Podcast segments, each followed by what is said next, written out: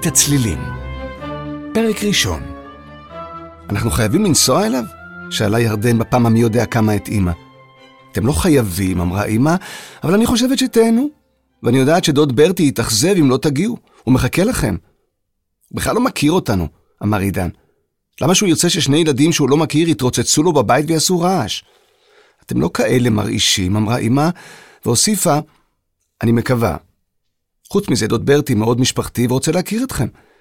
כשהייתי ילדה הייתי מבקרת אצלו מדי קיץ, זה אחד מזיכרונות הילדות הכי טובים שלי.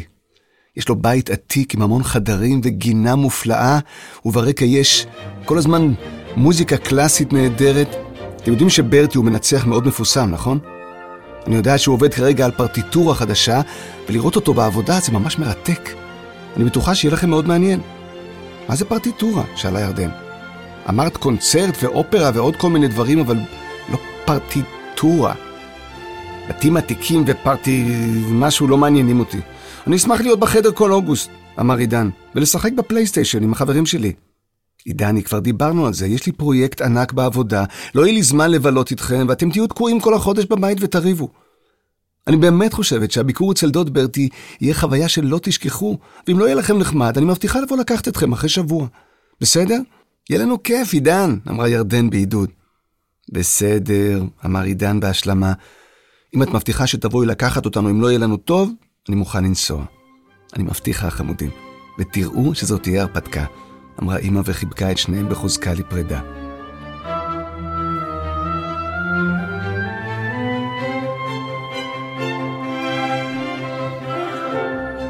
הרכבת לצפון עומדת לצאת. נשמעה הודעה במערכת הכריזה, והילדים הזדרזו לעלות והתיישבו כשהם מנופפים לאמא מהחלון. שלא תעז לבכות, אמא ירדן על עידן, תחייך לאמא בפרצוף של מישהו שממש רוצה לנסוע. אני לא בטוח שאני כזה שחקן מעולה, אמר עידן, אבל הצליח לחייך לאמא שנופפה להם מבחוץ במבט קצת מודאג. יכולה להעביר לי משהו לאכול? שאל עידן ברגע שהרכבת החלה לנסוע ואמא נעלמה. הרגע אכלת, אמרה ירדן. זה לא משנה, אמר עידן, אנחנו בטיול. זה שינוי מצב שדורש מזון. הוא חיטט בשקית שירדן העבירה לו, שלף כריך ונעץ בו ביס מורעב. אתה מדהים אותי, אמרה ירדן. אני מקווה שדוד ברטי מוכן להוצאה הכבדה של להאכיל אותך. תזכיר לי שוב איך הברטי הזה קשור אלינו? אמר עידן. אתה אף פעם לא מקשיב, נכון? אמרה ירדן. כל הזמן עם הפרצוף תקוע בפלייסטיישן שלך הזה. ברטי הוא הדוד של אימא, הוא מנצח של תזמורות בכל העולם, ועכשיו הוא הגיע לארץ לכמה חודשים והציע לאימא שנבוא להתארח אצלו קצת, כי יש לו בית ענק ואימא עסוקה. בית ענק ופרטיטורה, הרהר עידן בקול רם. אולי זה סוג של מסיבה שהוא עובד עליה. נראה לך? אמרה ירדן. הדוד ברטי בן איזה מאה. הנה, תראה. היא הראתה לו על מסך האייפד. פרטיטורה זו חוברת תווים ליצירה שכתובים בה התפקידים לכל כלי, שורה מעל שורה, ככה המנצח יכול לראות איך הכלים מנגנים במקביל. מאכזב, אמר עידן. הולכת להיות חופשה על הפרצוף. די להיות שלילי, אמרה ירדן והרכיבה את האוזניות. אני הולכת להקשיב לפלייליסט שאימא הכינה לי. היא אמרה שיש שם כל מיני הפתעות, שירים ומנגינות שהיא אוהבת להשמיע לנו. ירדן חבשה את האוזניות ושמעה את קולה הנעים של אימא אומר, האופרה חליל הקסם של וולפגנג עמדאוס מוצרט.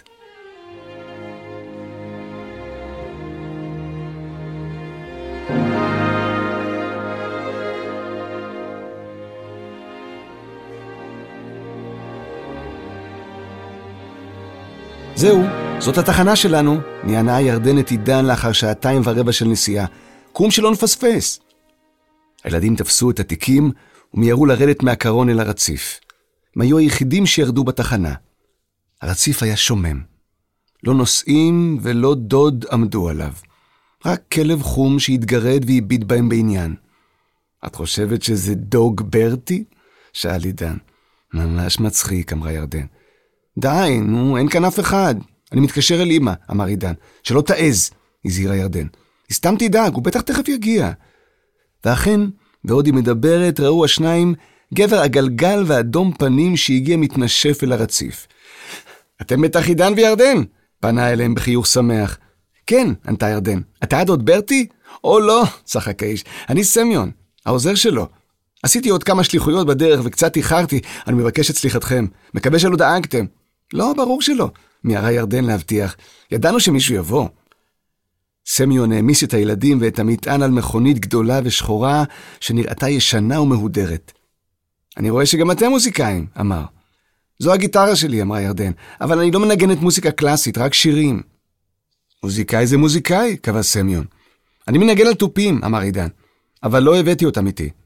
וגם לא התאמנת עליהם הקיץ, אמרה ירדן. אני בחופש, אמר עידן.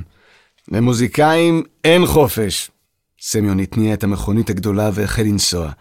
מאז שאני מכיר את הדוד שלכם, האדון ברטי, וזה כבר 30 שנה, לא ראיתי אותו לוקח חופש מהמוזיקה אפילו יום אחד. מוזיקאים הם כמו מתעמלים אולימפיים או רקדנים. כל יום וכל היום מתאמנים ומתאמנים, רק ככה מגיעים להיות מוזיקאי דגול כמו אדון ברטי.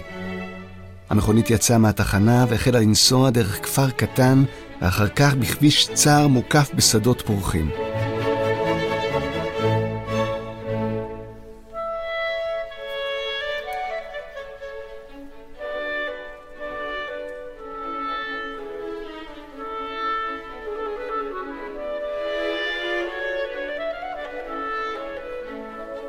מה המוזיקה הזו? שאלה ירדן. זה קונצ'רטו לקלרינט של האדון המכובד מוצרט, אמר סמיון. מוזיקה שמתאימה לנסיעה בכפר, אני חושב.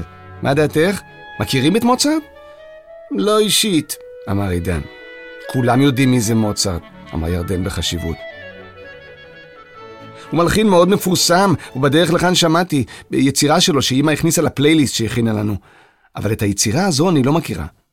זה מתאים לאימא שלכם, חייך סמיון. לשים לכם מוזיקה קלאסית לנסיעה ברכבת. אולי שמה לכם מוזיקה של מוצרט, כי הוא נהג לנסוע בכל אירופה, וכבר בגיל שש ערך את מסע ההופעות הראשון שלו. הוא נסע לבד בגיל שש? שאל עידן. הוא לא היה לבד, הוא היה מלווה באביו ובאחותו הגדולה מריה אנה, שהייתה נגנית צ'מבלו ופסנתר מוכשרת מאוד, אמר סמיון. צ'מבלו? שאל עידן. לא שמעתי על כלי כזה. דוד שלכם, אדון ברטי, ישמח להסביר לכם על כל הכלים וכל היצירות, אמר סמיון בגאווה.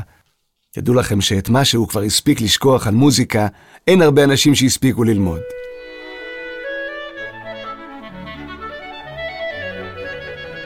המכונית פנתה מהכביש הצר, וסמיון יצא ממנה כדי לפתוח את שער הברזל. אחרי השער המשיכה הדרך להתפתל, עד שנפתחה לגן גדול, מולם נגלה בית גדול ולבן. וואו, אמר עידן. אמא לא אמרה שדוד ברטי עשיר? סמיון גיחך. הוא לא עני, אבל זה בית של המשפחה שלו כבר מאה שנה. אתה רואה שיהיה לנו כיף? אמרה ירדן. אולי, אמר עידן בחשדנות. אני אחכה קצת לפני שאני אחליט. הילדים בקושי הספיקו להתרשם מאולם הכניסה הגדול, וסמיון כבר הוביל אותם לעבר דלת גדולה, מבעדה נשמעו צלילי פסנתר.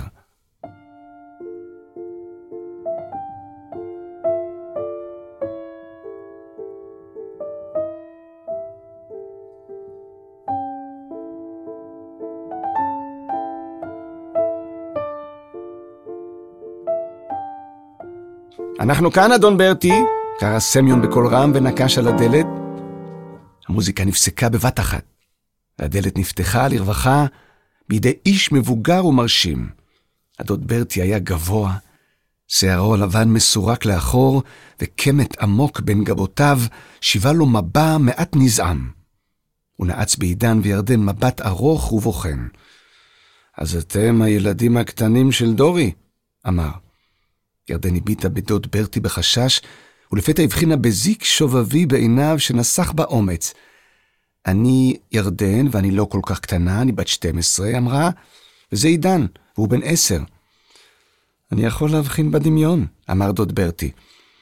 אמא שלכם התארחה אצלי כשהייתה בגילכם, ואני אהבתי לשמוע אותה מתאמנת על הפסנתר. אני זוכר אותה מתאמנת על הפנטזיה הזו שאני בדיוק שומע. היא עוד מנגנת? לפעמים, אמרה ירדן. אין לה כל כך זמן, היא עורכת דין. איזה בזבוז, אמר דוד ברטי. כל כך הרבה כישרון. אני זוכר שכילדה היא התחילה ממינואטים שמוצרט כתב בגיל ארבע. היא העריצה אותו. היא נגנה נהדר. גם אתם מנגנים בפסנתר? ניסינו קצת, אמרה ירדן, אבל זה לא תפס. לא תפס? פניו של הדוד ברטי קדרו בזהב. הילדים דווקא מנגנים, התערב סמיון. ירדן מנגנת בגיטרה ועידן בתופים. נו טוב, זה גם משהו, אמר הדוד ברטי, אם כי זו לא מוזיקה קלאסית, הייתי רוצה לקוות שהמוזיקה במשפחה לא תיעלם איתי. אנחנו מאוד אוהבים מוזיקה, אמרה ירדן. אהבה וכישרון למוזיקה עוברים במשפחה, אמר דוד ברטי. גם אביו של מוצרט, לאופולד, היה מלחין ומורה למוזיקה. מוצרט לא למד לנגן, הייתה לו שמיעה מוזיקלית גאונית. בגיל שלוש הוא הקשיב לשיעורי הנגינה של אחותו, התיישב על יד הצ'מבלו והתחיל לנגן. הוא יכול היה לנגן כל יצירה לאחר ששמע אותה רק פעם אחת. בגיל חמש הוא כבר הלחין מוזיקה מקורית. אני חושב שהילדים קצת עייפים, בא סמיון לעזרת הילדים, שנראו כאילו היו שמחים לחילוץ מהמפגש עם המנצח המפורסם. אם כך, קח אותם לחדרים שהכנת להם, ותסביר להם מהם כללי הבית. הוא הסתובב ונכנס לחדר העבודה, הדלת נטרקה, ומיד החלה שוב המוזיקה לנגן.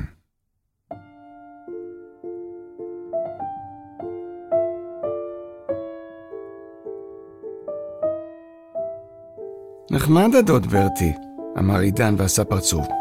תן לו צ'אנס, אמר סמיון. אני חושב שהוא ימצא חן בעיניכם. ועכשיו, בואו אחריי.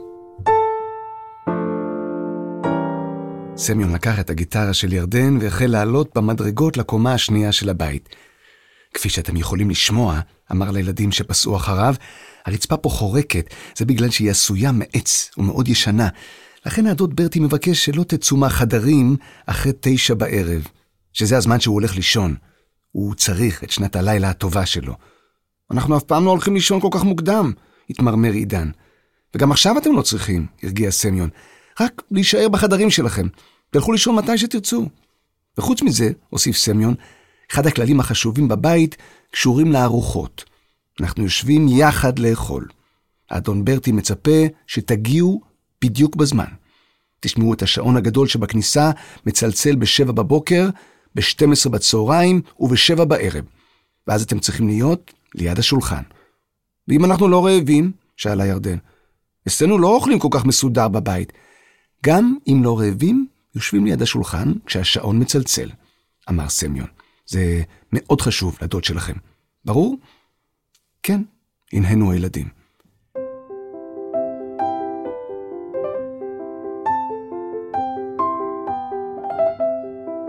זה החדר של ירדן, פתח סמיון דלת, החדר הבא הוא שלך, עידן. יש ביניהם דלת מקשרת. לאן מובילות המדרגות האלה? שאלה ירדן, והצביע על גרם מדרגות צר שהוביל למעלה. לקומה השלישית, אמר סמיון. יש שם עוד חדרים וגם כניסה לעליית הגג. מותר לנו לעלות לשם? שאל עידן למרות מבטיה המזהירים של ירדן. בהחלט כן, ענה סמיון. ותמצאו שם הרבה דברים שאדון ברטי ואפילו אבא וסבא שלו הביאו מהמסעות שלהם בעולם. נשמע מעניין מאוד, אמרה ירדן. כן, אמר סמיון, זה בית ישן ומעניין. אתם יכולים להסתובב בו ולהיכנס לכל החדרים, חוץ מאשר לחדר אחד בקומה השלישית. אבל הוא נעול, אז לא תוכלו להיכנס אליו בכל מקרה. מה יש שם? שאל עידן בסקרנות. אדון ברטי שומר שם אמ, אוסף של תווים עתיקים, אין שם שום דבר מעניין בשבילכם, זה ממש החדר הכי פחות מעניין בבית. סמיון הניח את הגיטרה. נתראה בארוחת הערב, אמר. תגיעו בזמן. משום מה החדר הנעול נשמע לי הכי מעניין, הרהר עידן בקול רם אחרי שסמיון הלך. שלא תעז אפילו לחשוב על זה. הזהירה ירדן ונכנסה לחדרה.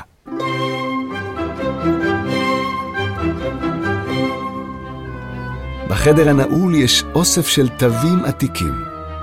האם אתם יודעים מהו תו ומי המציא את כתב התווים? כנסו לאתר הפילהרמונית, לעמוד חינוך וקהילה, ותמצאו את התשובה.